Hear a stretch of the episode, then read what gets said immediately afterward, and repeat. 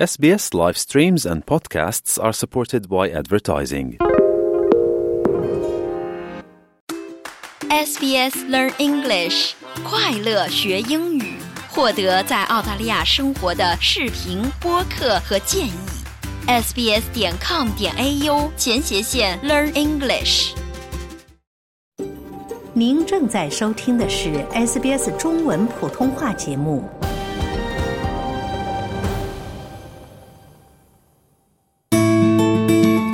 我家的果树为何不开花、难挂果呢？有机肥、无机肥，琳琅满目的肥料，该如何选择？对症下药。家庭园艺种植养护经验推广窍门分享。，SBS 普通话电台园艺热线，每周五欢迎您拨打一三零零七九九三二三提问，听园艺高手在空中解答您的难题。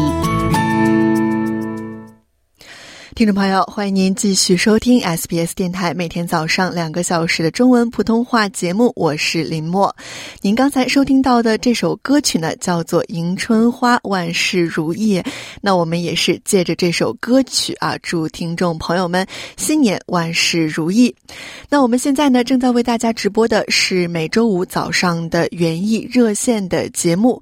在今天的节目中呢，园艺高手张崇岩是要接着上周的话题呢，继续来跟大家介介绍，在澳洲一种非常常见的除虫药白油。那听众朋友呢，也欢迎您拨打我们的热线电话一三零零七九九三二三一三零零七九九三二三参与节目。那我们也是先来跟张老师打个招呼，张老师早上好。呃，主持人好，大家好。张老师啊，那在上周的节目中呢，我们是讲到了这个澳洲常见的除虫药白油在使用的时候呢，有哪些需要注意的地方？但是啊，也可能有听众朋友会有这样的反馈啊，说在用这个白油的时候效果不是特别的好，有没有一些什么样的原因啊？能在今天给我们的听众朋友来解释一下呢？呃，用白油呢，它主要一个作用呢，就是有物理作用，就把它覆盖以后，这个药水啊覆盖在这个这个害虫，整个把它覆盖以后呢，让它窒息而死，啊，包括它那个虫卵也是这样。嗯啊还有呢，它对付那个那些那个真菌引起的那个病，对吧？嗯可以把它覆盖以后，阻止它呃技术在扩展啊。但是个重点就是要全面覆盖。嗯啊有的人洒药水，就是打个喷枪或者喷壶，就随便在上上面晃几下，这样不够的。最好呢，要看到叶子上面有那个药水啊滴下来，那说明呢，这个叶面啊基本上全部是覆盖了，这是一个。嗯第二个那个叶片的背面，这是比其实比正面的更重要。哦啊，为什么说比正面的更重要呢？因为很多的害虫啊，它躲在下边的，比如哦白天有太阳直晒，它也受不了，像人一样的，它也也会找到比较凉快的地方去躲一下、嗯啊。还有呢，在叶面上呢，虫子呢给叶面上的它那个天敌啊，容易发现它，嗯。啊它会把它吃掉，它会躲在那个叶子的背面。嗯。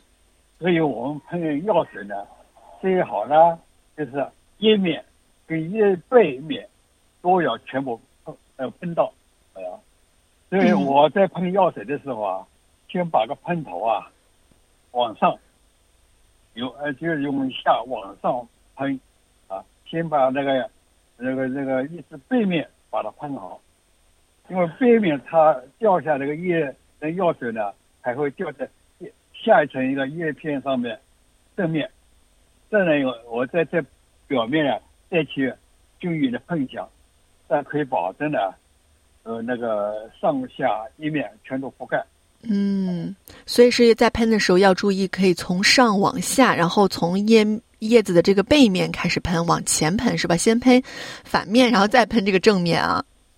对对对，嗯呃这样碰呢就不容易呢就把它遗漏。嗯嗯，不容易有这个漏网之鱼啊。对对，嗯还有那个，尤其那个虫卵，因为虫这个虫卵呢，它有好多下就下在那个虫那个叶子背面的。嗯呃，还有就是这个好处呢，呃，它可以把那个虫卵都杀死。嗯。是很多呢，看上去比较烈性的那个药水，尽管有有的药水像这瑞的啊，什么什么可以杀个蟑螂啊，杀完蜘蛛啊，但是呢，它不一定能够杀死虫卵。嗯。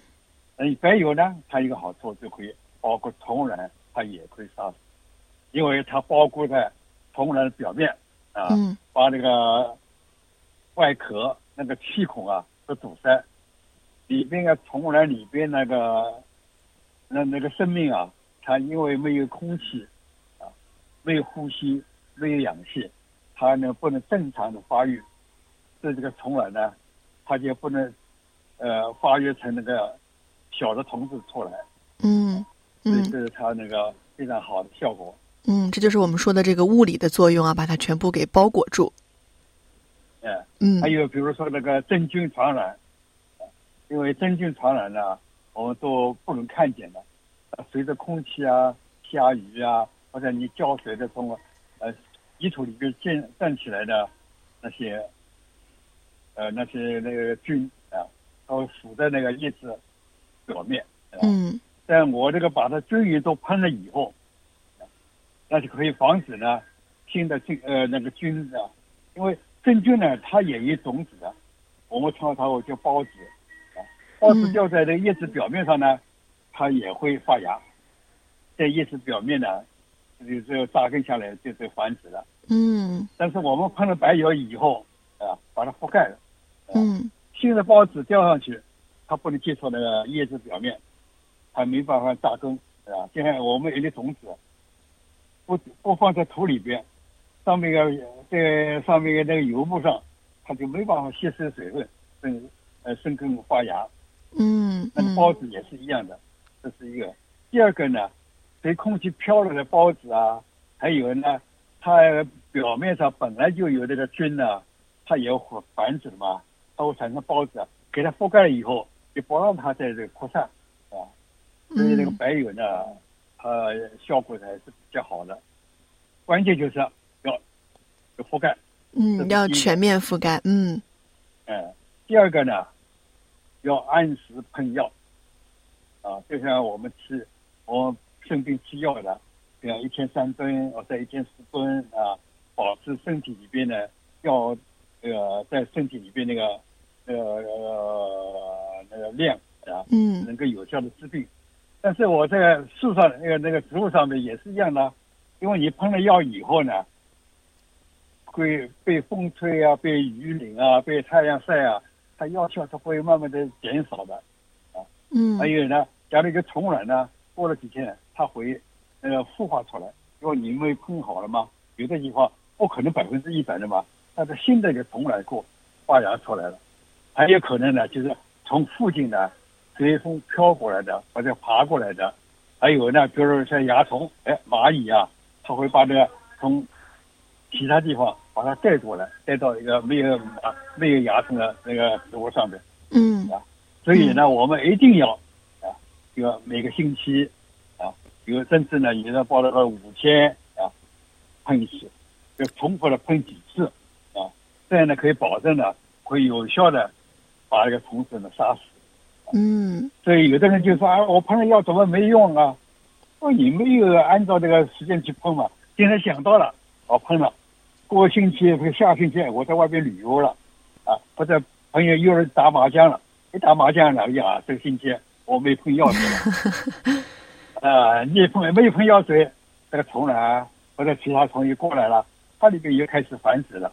嗯，所以说是要每个星期或者是每五天喷一次，是吗？哎，相隔了这最起码有三次。要至少要对连着喷三次三次。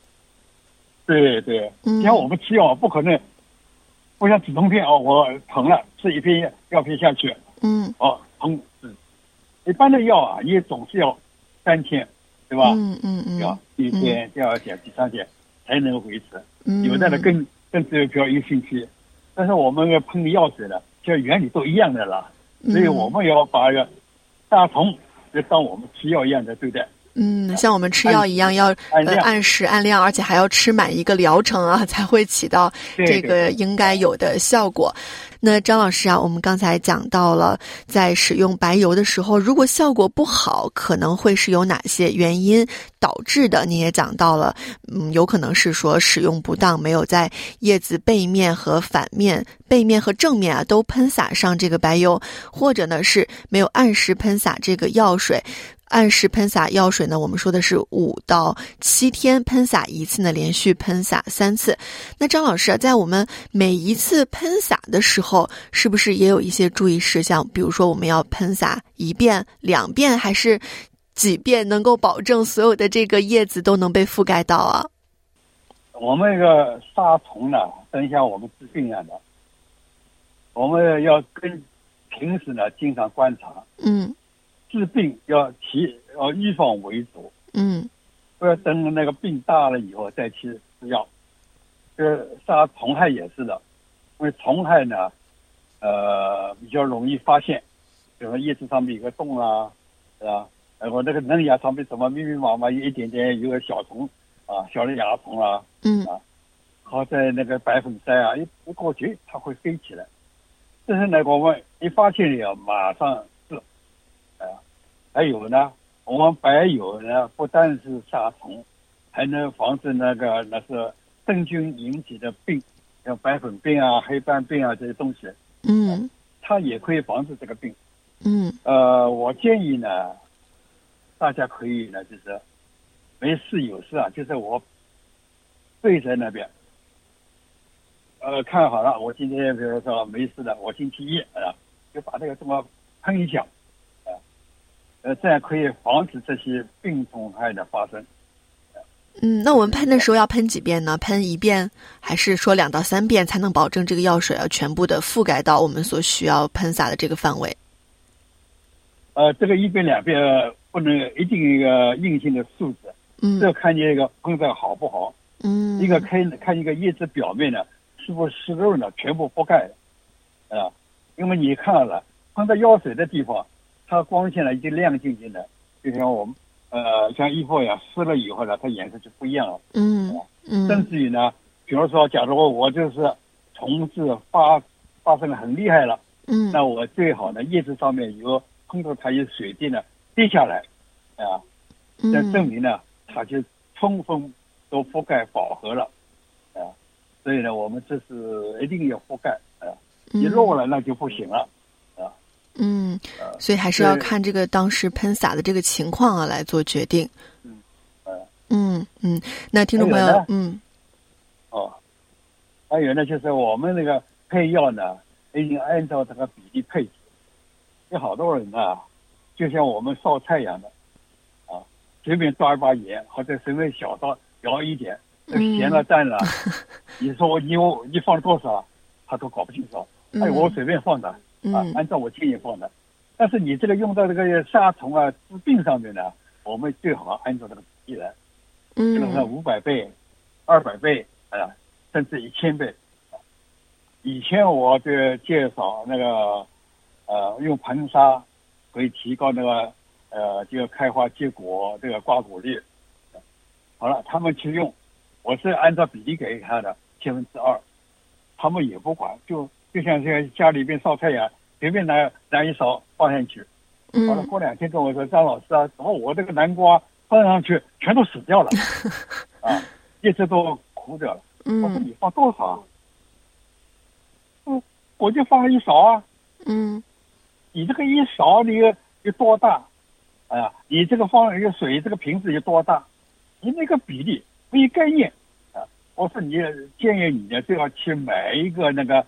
呃，在超市里边都有的，一般家里厨房里都有那个套，哎呀，有一点二五的、两点五的那个细细的那个量勺，哎呀，嗯，最多可以到呃二百五十的，呃比较大的，这样你可以心中有个底了。我这一勺，比如这两克啊，是一克半，那你今后就是按照这个比例吃，你就不会出现纰漏了，啊，嗯，蛮好，你本来是治病的，反而把它搞死。嗯，达到了这个相反的效果。大家也是可以在这个呃超市里面，就是类似于做蛋糕的那种量杯，是吗？对对对对，嗯嗯，去选购一个这个比较精准的这个测量工具哈、然后一定要按照这个说明书上的这个配比方式来配料来下药啊，才能达到真正的这个治病的效果。那张老师啊，我们刚才说到了这个白油，其实也是可以在家里面自制的，能不能来跟听众朋友介绍一下怎么样来制作呢？呃，白油它主要成分呢，你包括在店里面，比如邦尼斯啊、超市买的这个白油，它里边主要是两个两个成分，一个是油，啊，有的呃，至于是植物油还是矿物油，没关系，都是一样的，嗯啊就是产生个油毛啊，在覆盖这个那这个害虫表面，嗯把它窒息而死。还有个呢，因为油跟水啊互相融合的，啊，对吧？假如你大家都知道的，油要浮在水面，一次怎么在搅拌，它只不过是比较分散在表面，嗯它还是不能跟水充分的融合啊。所以我们一定要有乳化剂啊，打破它表面的张力啊。乳化剂呢，那就很简单了，就是我们的肥皂啊，或者我们的洗洁精啊，这两样东西呢，加在里边啊，把油跟水呢可以让它亲和起来，让它混合在里边，要均匀的混合起来。嗯它主要就是这两个成分。嗯，那这个比例是多少呢？？呃，这个网你在网上呢，他介绍的人很多的，嗯有的呢也，他这东西呢没有严格的比例啊。比如说，我的油跟洗洁精一比一都可以，哦呃，二比一都可以，五比一都可以，各有各的配方。啊、嗯嗯嗯甚至有的视频讲到胖胖响，就像买膏药一样，我这个这个药怎么怎么一一碰就好。其实呢，按照它的原理做事，啊，现在网上介绍最多的啊，叫葵五露啊，它就葵花籽油啊，五块籽那个那个把它就是那个分散剂，就在化水。但是呢，我们那个无坏剂呢，一般都不会再去特地找，它原理就乳化剂，我们可以用洗洁精呢代替。嗯我们用的呢不一定是葵花油，啊，甚至比如你要比较讲究的，啊，用沙拉油比较好。呃，没有沙拉油，家里用菜油啊、豆油啊都可以。嗯嗯但是比较起来呢，呃，沙拉油比较好，因为它呢比较纯，因为它没什么粘稠，哎呀，所以嗯混合呢比较容易分散。嗯。呃，其实要求也不是很很高的，反正家里有什么就可以用，哎呀，呃，有的人比较讲究了，哎呀，我是有机的什么东西的，呃洗洁精啊，呃，好像有化学东西啊，那你就可以买那个呃有机的洗洁精，嗯，它是用植物性的东西做的，啊，呃，不呃，等于化没什么化学成分，嗯这都可以用。嗯这两个东西呢，呃，葵呃葵五路呢，这是现在网上介绍比较多的，呃，比较大的网站啊，包括做那些比较专业人士啊，他们也推也推荐这个配方。嗯一般呢就是它九比一，九份的油，一份洗洁精嗯啊，或者呢用肥皂啊，把它那个呃用切成薄片，用热水，按照分量啊，嗯呃，你是十克这个呃油的，那就一克肥皂，啊，嗯。然后九克这个油，一克肥皂，嗯嗯。啊，把它用热水把它融化，因为肥皂用做起来比较麻烦嘛，嗯啊嗯，呃，就是这个食食用油和这个洗洁精听起来是比较容易的一个办法啊，两种都是液体，把它们两个人混合在一起。嗯。混合以后放少量水，不要放一下子放太多，嗯。先做原液啊，呃，这个原液怎么怎么弄呢？我是呢就是九份，呃九克那个油，一克洗洁精，嗯。再加十克到二十克的热水，就温嗯水都可以。嗯。放到里边呢，就放这个瓶子里边，嗯。把它摇晃，嗯。啊摇晃，你摇晃了一分钟了、两分钟了，它会混合的。但是嗯你第一次摇晃以后呢，放了半天一天，去看了，哎，它那个洗洁精啊，还会在下面沉底的。哦那你哎，你第二天再摇晃，第三天再摇晃，哎，它就好了。哦，所以要多次摇晃是吧？间隔一天再摇晃一次。哎，嗯呃，我是一一次配啊，大要配那个像可乐瓶的话，半瓶有嗯三百到到五百 CC 的啊，嗯嗯要按照这个比例配好。我这个配好以后呢，要再按照比例呢，就呃就等于是我是十倍的稀释的，要试用的时候，再再取这个一份加十倍的水，把它稀释。那，不要忘了，在用之前呢，再把它摇晃一下。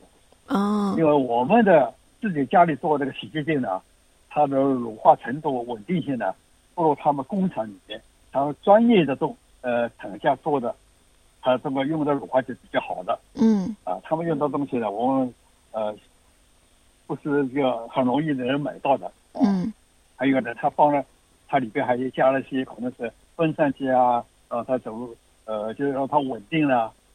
对，我们简单的就是摇几下。啊，嗯放入它混合均匀了，我们每次呢就把它按照这个比例来对。嗯，这也是很方便的一个办法。我们家里面都有这种原材料啊，这个食用油，包括这个洗洁精，都是家里必不可少的这些现有的一些材料。那混合按九比一的这个九份油加一份。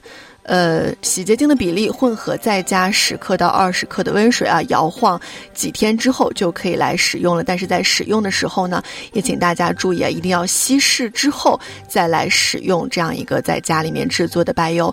那今天我们也是非常感谢张老师做客节目，跟我们分享了白油使用白油时候的注意事项，以及呢如何在家里面自制白油。那我们的线上还有一位卢先生在等待啊，那卢先生，你也可以在节目结束之后呢继续啊向张老师提出问题。您可以在线上再稍微等待一下，在节目结束之后呢，我们会来接通您的电话。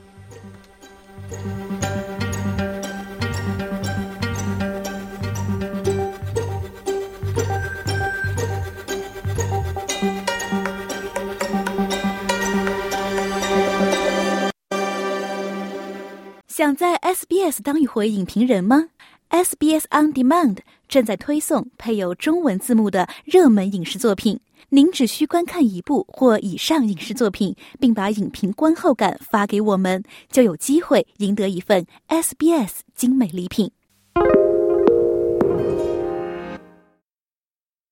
你有想过你的顾客也在听这一条广告吗？如果可以的话，您想如何把你的公司推荐给他们？SBS 是澳大利亚最值得信赖的多语广播电台。我们提供广告套餐给各种规模的公司。我们经验丰富的广告销售人员会一路指导您如何让自己的广告脱颖而出。您可以使用自己的广告，或者请我们的制作部为您制作出任何一种语言的广告。您还在等什么？今天就把您的生意推荐给更多新的客户吧。详情请咨询广告部，邮箱是 sales at sbs dot com dot au。